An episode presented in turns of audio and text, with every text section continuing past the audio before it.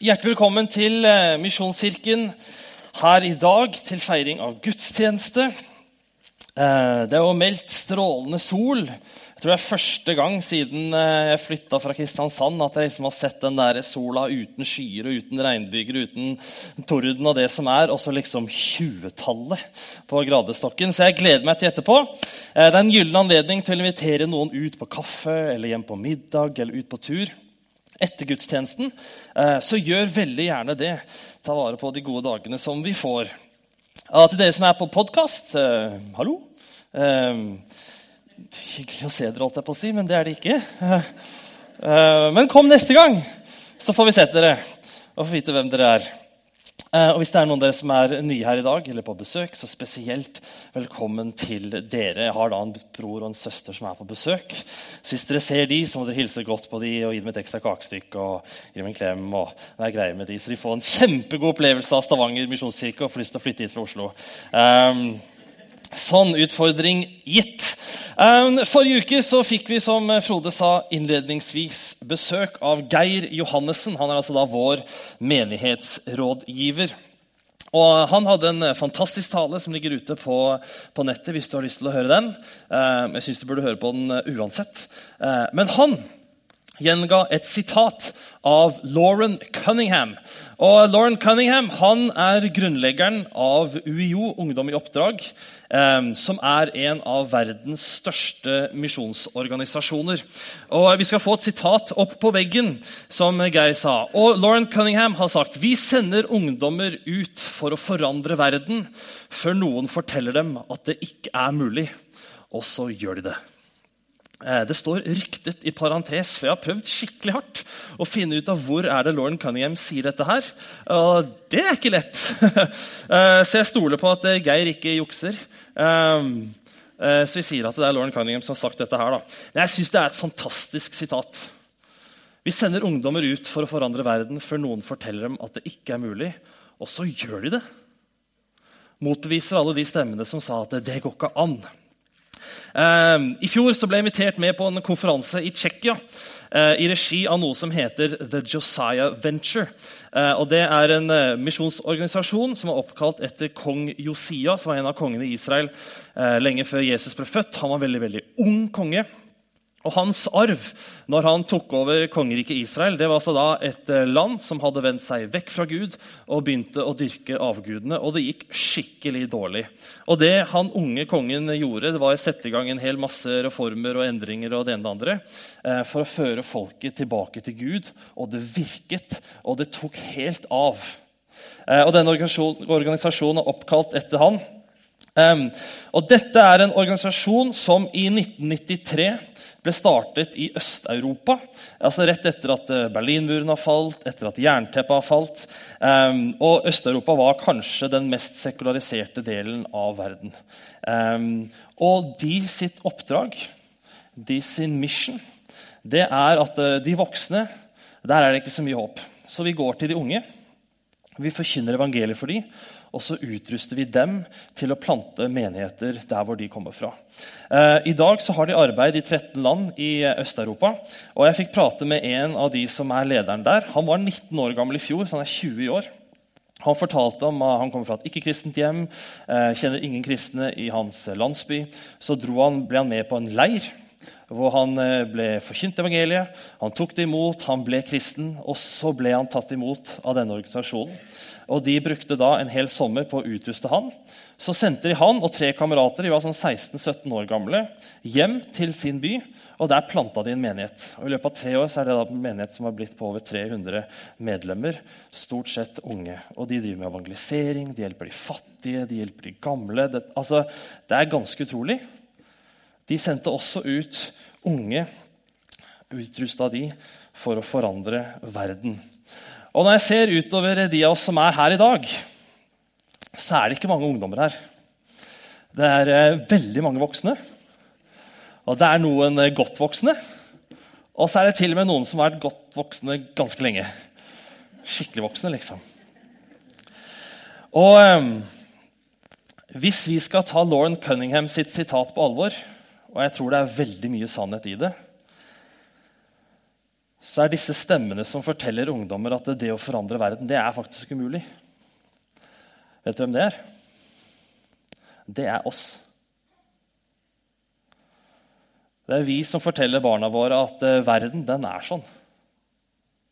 Krig og urettferdighet og elendighet og fattigdom og sosial urettferdighet. Eh, elendig miljøvern, aids-epidemier. Um, mennesker som ikke kjenner Jesus. Sånn er verden. Og den er urettferdig. Og det vi kan gjøre, det er liksom å gjøre det beste ut av det, og så takker vi Gud for at vi er født i Norge og er så heldige.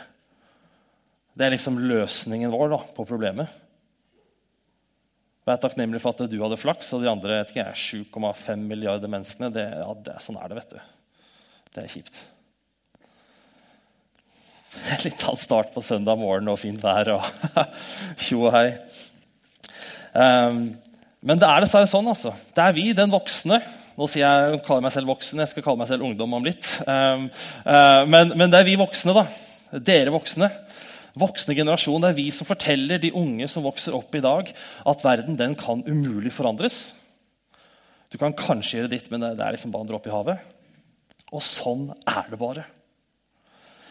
Um, og I dag så har jeg lyst til å snakke spesielt til deg. Så når du blir møtt med utfordringen om å forandre verden, eller du blir møtt med en stor drøm, og så er du typen som bare med en gang har 1000 grunner til at det ikke går. Nei, det funker ikke. Det er, det er dårlig timing. Eh, det er ikke rette lederen. Vi har ikke nok folk. Er du klar over hvor mye folk som må til for å forandre verden? Vi har det ikke. Vi har ikke det går ikke. Eh, er du klar over hvor mye penger det kommer til å koste? Det har vi i hvert fall ikke. Vi ikke får vi støtte fra staten. Da. Altså, det, det, funker ikke. Eller, eller, hva er planen, da? Har du noen plan? Har du en strategi?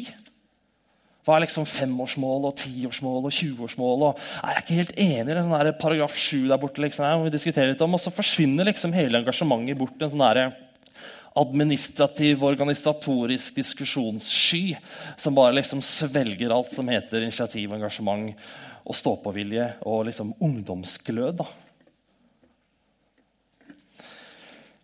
Og jeg snakker til deg først og fremst i dag. Jeg jobber her som ungdomspastor, og jobben min er stort sett å utruste disse unge som vi har her i menigheten. Men i dag så er det min jobb å gi dere voksne, den voksne delen av menigheten vår et lite sånn ungdommelig spark bak. Og så skal vi se om vi kan få fart på saken her. Um, en liten greie før vi går videre. Vi har hatt en taleserie om hva menigheten er kalt til å være og gjøre. Og å gjøre. Uh, og Da har vi brukt et bilde av en stol som jeg glemte å ta med opp. Men her er det jo mange av de. Vi har brukt et bilde av en stol. Eh, at når du kommer til Jesus, har lyst til å bli kristen, lyst til å begynne å tro på han, så Det du trenger å gjøre, det er å sette deg. Du trenger ikke å få til noe, trenger ikke å fikse noe, trenger ikke å være på en spesiell måte. Det er, liksom, det er ikke noen krav for å sette seg. Lista er lav. altså. Det eneste kravet er at du må være en synder, og det oppfyller vi alle med glans. Okay? Og Den talen i dag det jeg skal si i dag, er ikke en motsetning til det å sette seg i stolen, men det er liksom del to. Okay? Nå har du sittet i stolen en stund, og nå er det på tide å kanskje reise seg og gjøre noe med det som du opplevde der. Okay? Um, forrige søndag tok Geir utgangspunkt i en tekst fra Markus 2. Og i dag så har vi fått høre en tekst fra Markus kapittel 1. For dere som er på podkast, er det altså kapittel 1, vers 16 20. Um, og Det handler om når Jesus kaller de første disiplene. Eller han kaller fire fiskere som blir de første disiplene. Uh, og Jeg har lest denne teksten så vanvittig mange ganger, og hver gang så blir jeg like overrasket hvordan disiplene reagerer på invitasjonen til Jesus. For det er liksom ingen sånn altså Det er bare 'Kom, følg meg!' Og så er det sånn OK. Jeg er med. All in, liksom. Jeg forlater mor og far og barn, og jeg forlater yrket mitt, jeg forlater alt jeg eier. Jeg forlater alt som er kjent og som er kjært, og rutine og stabilitet. organisasjon, alt, Jeg forlater alt sammen.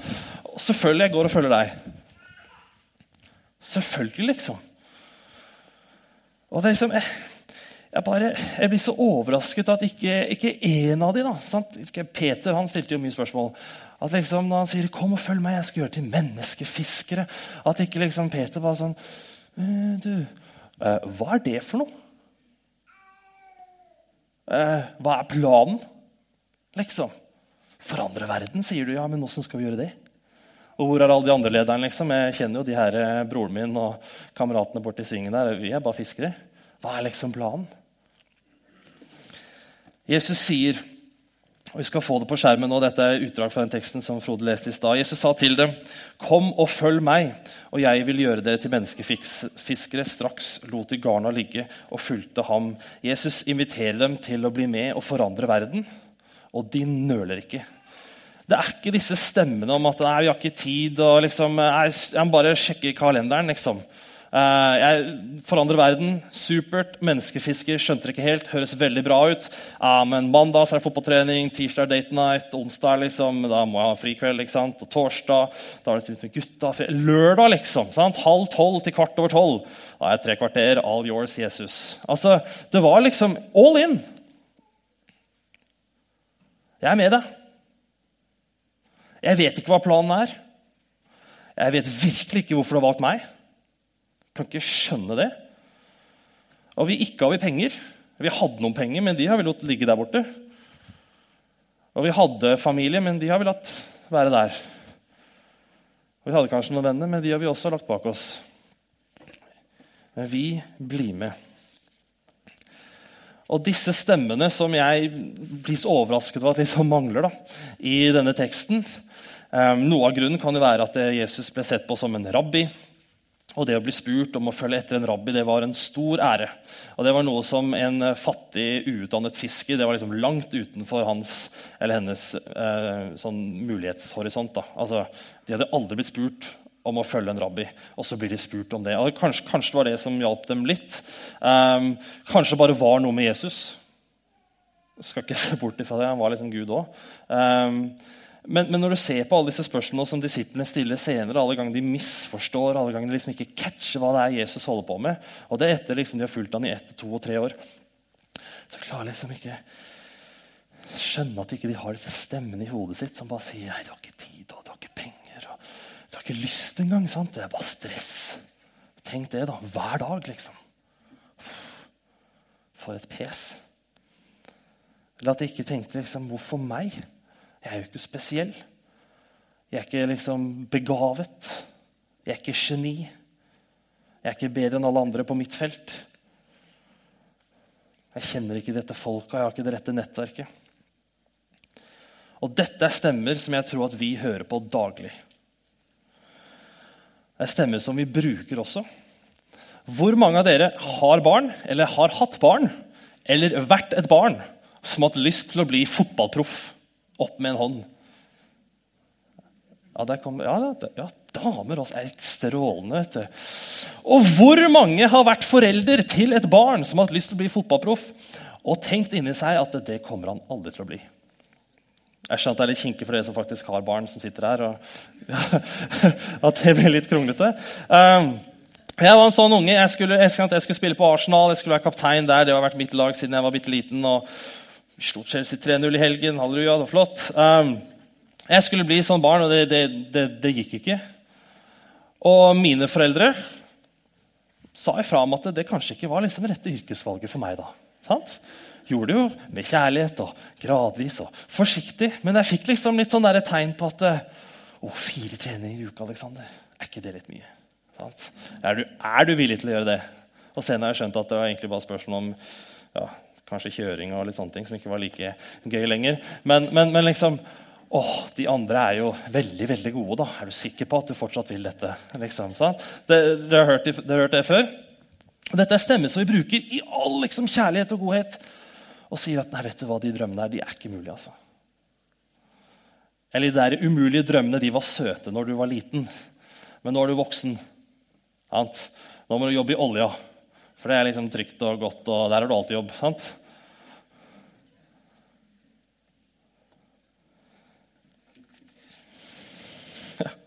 Jeg syns faktisk det var litt gøy. Jeg. Er det lov å si? Unnskyld, det, var faktisk veldig, det var kanskje litt flåsete sagt. det.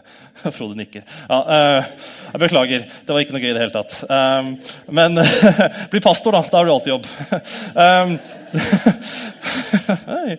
um, Og jeg, og jeg, er så lei av disse stemmene som liksom bare forteller oss at det er ikke mulig. altså du får det ikke til. Og jeg er så lei av å være den som bruker de stemmene nå. liksom at Ungdommer som har, som har, kommet til meg og sagt liksom, du, vi har lyst til å starte en bønnegruppe og vi har lyst til å be for skolen vår. vi har lyst til at hele skolen vår skal bli kristen. Jeg tenker ja, det er kjempeflott og det er, det er supert. liksom, jeg skal be for deg. Og så tenker jeg inn i hodet mitt at ja, det kommer aldri til å skje. Sånn? Det er så feigt å tro på en allmektig Gud og ikke tro at sånne ting kan skje. Ja, jeg heller tro på noe annet, altså. Fyttegrisen. Men del to av talen. sant? Det tar seg, Nå, liksom, nå, er vi liksom, nå er vi opp der. Oi sann, se her, ja. Nå begynner pinsemenighet snart. altså det tar helt av det. Men eh, Jesus kalte tolv disipler, eller tolv fiskere eller tollere og menn fra ulike yrker til å følge han for å forandre verden, og de viste at det var mulig at helt alminnelige mennesker som følger etter en helt ualminnelig Gud, kan faktisk forandre verden. Eh, etter Jesu oppstandelse så ser vi hvordan den kristne troen sprer seg i rekordfart til resten av Midtøsten, til Asia, til Europa. Paulus, som så Jesus bli korsfestet sant? I hans levetid så nådde evangeliet ut i Asia, ut i Hellas, ut i Tyrkia, ut i Italia, til Roma. Eh, ut til Malta var de til og med på. Sant? Kypros. Helt vanvittig. I løpet av bare noen få tiår så er liksom mesteparten av den kjente verden har hørt om Jesus. Og Det har gått fra å være en sånn perifer jødisk sekt og i løpet av et par hundre år, 300 år cirka, eh, til å bli statsreligion i Romerriket, som var det dominerende verdensriket i liksom den vestlige verden. Helt vanvittig. Spoler man 2000 år fram i tid, så er det altså da over to milliarder kristne mennesker i dag. Jeg leste en undersøkelse, og de hadde estimert at det var mellom 30 og 40 millioner menigheter verden rundt. Og det starta med én i Jerusalem. Det er vilt. Altså, det er jo ingen verdensbevegelse som kan sammenlignes med den innflytelsen og veksten som den kristne troen har hatt. Altså, det er nesten ingenting vi foretar oss i dag som ikke på en eller annen måte har blitt berørt av denne bevegelsen. Altså, er det utdanning eller menneskerettigheter eller politikk eller etikk eller name it, liksom. vitenskap for den saks skyld òg. som ikke har blitt påvirket av den troen som vi har. Og så sitter vi allikevel og hører på de stemmene som sier at nei, det er ikke mulig. Det går ikke an. Det er ikke noen folk. To milliarder mennesker, mange flere trenger du, liksom. Det er mulig å forandre verden. Hvis det er litt eh, søkt å tenke på liksom, verdenshistorien og 2000 år, og alt sånt, så kan vi zoome litt inn. Gjør det litt mer lokalt. Eh, for det er ikke bare de tolv disiplene som var sammen med Jesus, som var med på noe stort. Eh, forrige uke, altså søndag så fikk vi besøk av en annen Johannessen, en som het Asbjørn. Asbjørn han er en som kanskje er skikkelig gammel. Han har i hvert fall vært voksen veldig lenge. da. Og eh, Asbjørn Hansen kom her, og han fortalte om faren sin igjen, Henry Johansen, eh, som var her i 1937. Eh, for da skjedde det nemlig ting her i kirka. Eller si det skjedde ting som ble til denne kirka. Eh, for da var det vekkelse her. Hundrevis av mennesker ble frelst. Og Jeg skal lese, jeg har funnet en bok som heter 'Røtter, liv og framtid'. Stavanger misjonsmyndighet 1937-1987. Den er gul, for den er så gammel. Um, men dette er da sånn 50-årsskrift fra menigheten. Fra 1937 startet. 1987. Og Jeg skal lese eh, et lite utdrag av en beskrivelse av det som skjedde her i Stavanger, ikke i Afrika eller Kina, eller en plass, men liksom rett der ute eh, i 1937. Møtene fortsatte fra dag til dag med stadig større tilslutning. og Straks begynte ropet om frelse og forbønn, og bønnerommet fyltes opp av søkende sjeler hver kveld. Lokalet ble overfylt av tilhørere. Man hørte de syklende ærensgutter synge disse sangene, altså lovsangene på gatene. De ble sunget på jernbanevogner, på båter utover fjorden om søndagen, på sykehus og mange andre steder. Det var som luften var fylt av disse tonene, og særlig barn og unge var fylt av dem. En underlig tid. På gaten og i sammenkomster talte folk om møtene i Betania, hvor mange ga seg til Herren. Dette var dagens samtaleemne i denne tid. Det er vilt. Og det skjedde ikke langt der borte. Og selv om jeg syns det er fryktelig lenge siden, så er det ikke sånn fryktelig lenge siden. egentlig. 1937, Men vi kan spole lenger fram. Asbjørn Hansen som sagt, det var faren hans. 1937. I 1976 så var Asbjørn her sjøl. Og da var det også en vekkelse. Han hadde med seg et par svenske gospelsangere som het Kurt og Roland. Um, som jeg tror var ganske inn på den tiden. Um, de hadde over 70 møter. De endte opp med å flytte lokalene for de måtte ha mer og mer og mer, mer plass. De endte opp med 2000 på hvert møte. Og det tok helt av. Det er vilt, altså. Vi kan zoome inn enda mer. Uh, for syv år siden så var jeg en overbevist ateist. Helt overbevist. Det var ikke snev av tvil. Jeg var mye mer troende da enn jeg er nå. Ja, nei, det, ja det, det, var ikke planlagt å si det, men jeg tror det stemmer. holdt jeg på å si. ja. Jeg var mye, bevist, mye, mer overbevist, eller mye mer uten tvil på at Gud ikke fantes, enn det jeg er nå. at han. Ja, vi kan ikke gå inn på det. Men Pastoren sin.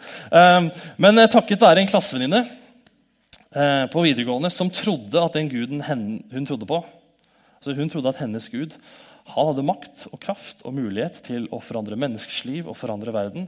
Hun inviterte meg med på et møte, og jeg fikk møte Jesus, og jeg ble en kristen. Og det stemte. Det var ikke umulig. Jeg sa til og med nei første gang hun inviterte meg med. Og Andre gang hun inviterte meg med, sa jeg ja. Jeg syntes det var helt forferdelig. Og tredje gangen mot alle odds. Jeg sa egentlig nei, for at eh, bussen, eller jeg rakk ikke bussen. Og så sa hun ja, men det går fint, liksom, for du kan sitte på med Eivind. Og så sa jeg jeg har ikke lyst til å sitte på med Eivind. jeg tror jeg bare dropper liksom. Ja, men det er jo ingenting, liksom, for jeg står utenfor nå og har lyst til å hente deg og ta deg med. Det er mulig, altså. Og Jeg sitter her og blir møtt av noe som jeg aldri har vært borti før noensinne, og vet at dette her er jeg bare nødt til å være med på. For det er ingenting som er som dette. Det er ikke sånn at verdensforvandling bare skjedde når Jesus gikk på jorda. Vi skal få opp et siste bibelvers på skjermen. Dette er det siste Jesus sier til disippelflokken sin. Han har nå sagt at eh, 'jeg har fått all makt i på jord'. Jeg er Gud. Han har sagt 'gå ut og gjør hele verden til eh, mine disipler'. Og så sier han at 'jeg er med dere hver dag inntil verdens ende'. Jesus er ikke borte, liksom fordi man ikke går her med en kropp. Jesus som satte i gang denne verdensomspennende bevegelsen, eh, han bor i meg, og han bor i deg som tror. Og Han sitter ikke stille og liksom tenker at 1937, folkens, det var tider. Det var flott. Hæ? Eller 1976. Da var Misjonskirka noe. Da liksom hadde de skjønt det. Da var de med. Da var de gira. da. Men han sitter og så ser han på 2016 og så ser han på 2017 og sier han, 'Jeg er klar, altså! Er dere med?'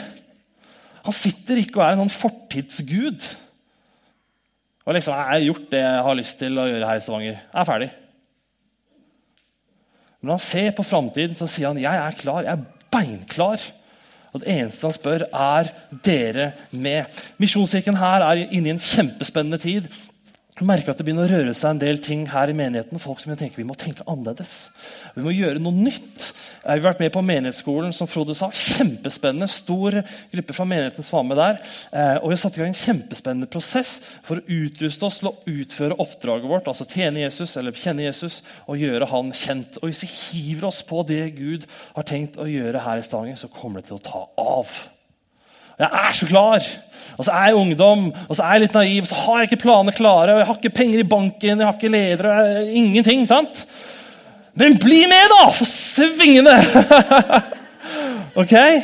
For jeg tror det Gud har lyst til å gjøre her de neste årene, kommer til å overskygge 37, og 76, og 0-tallet, og 1500-tallet og 1400-tallet hvis vi bare blir med. Allmektig Gud bor i oss, og vi kan faktisk forandre verden.